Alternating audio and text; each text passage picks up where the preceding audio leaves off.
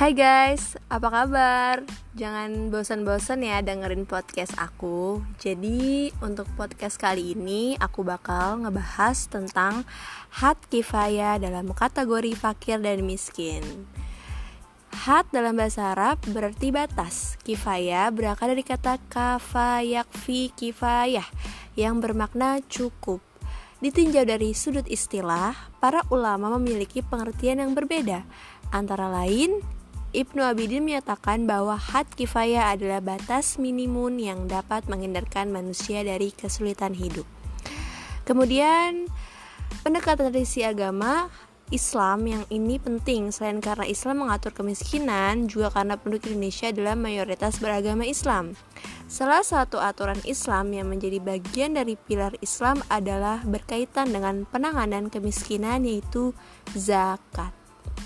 Pendistribusian zakat diatur ketat dalam syariat. Antaranya adalah agar skala prioritasnya untuk fakir miskin, namun ketentuan fakir dan miskin sangatlah sebagai kelompok penerima zakat atau disebut asnaf terbesar saat ini masih berupa kriteria-kriteria bersifat kuantitatif. Basnas yang diamanahkan oleh Undang-Undang Nomor 23 Tahun 2011 sebagai lembaga negara pengelola zakat sekaligus koordinator organisasi pengelola zakat Indonesia memiliki peran penting untuk penentuan kriteria miskin, khususnya dalam sudut pandang Islam. Mengingat dana yang dikelola Basnas merupakan dana zakat yang ketuanya diatur oleh syariat, maka sudut pandang Islam harus menjadi acuan dalam melihat konsep kemiskinan. Maka had kifayah digunakan untuk mengukur beberapa kebutuhan minimum menurut standar makosa syariah dalam konteks masyarakat Indonesia.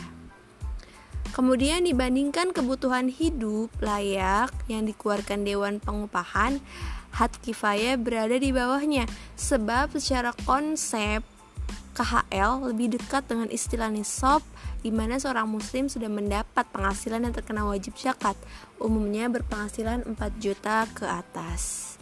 Jadi menurut perhitungan hat kifayah menunjukkan bahwa rata-rata kebutuhan hidup layak masyarakat Indonesia yaitu sekitar minimal 3 juta per keluarga setiap bulan, sedangkan perorangan sekitar 780 ribu per bulan. Dan angka-angka tersebut bisa berkurang ataupun bertambah sesuai dengan kebutuhan yang ada di diri kita.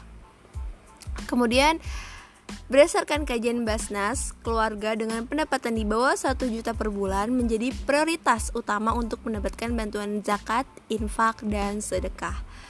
Selanjutnya keluarga juga yang berpenghasilan 1 juta hingga 2 juta per bulan menjadi prioritas kedua untuk dibantu. Sedangkan keluarga dengan berpenghasilan 2 juta hingga 3 juta menjadi prioritas ketiga.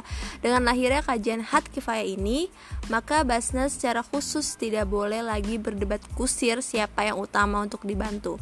Sehingga dana-dana umat yang dikelola benar-benar dirasakan manfaatnya. Dan itu. Sekian terima kasih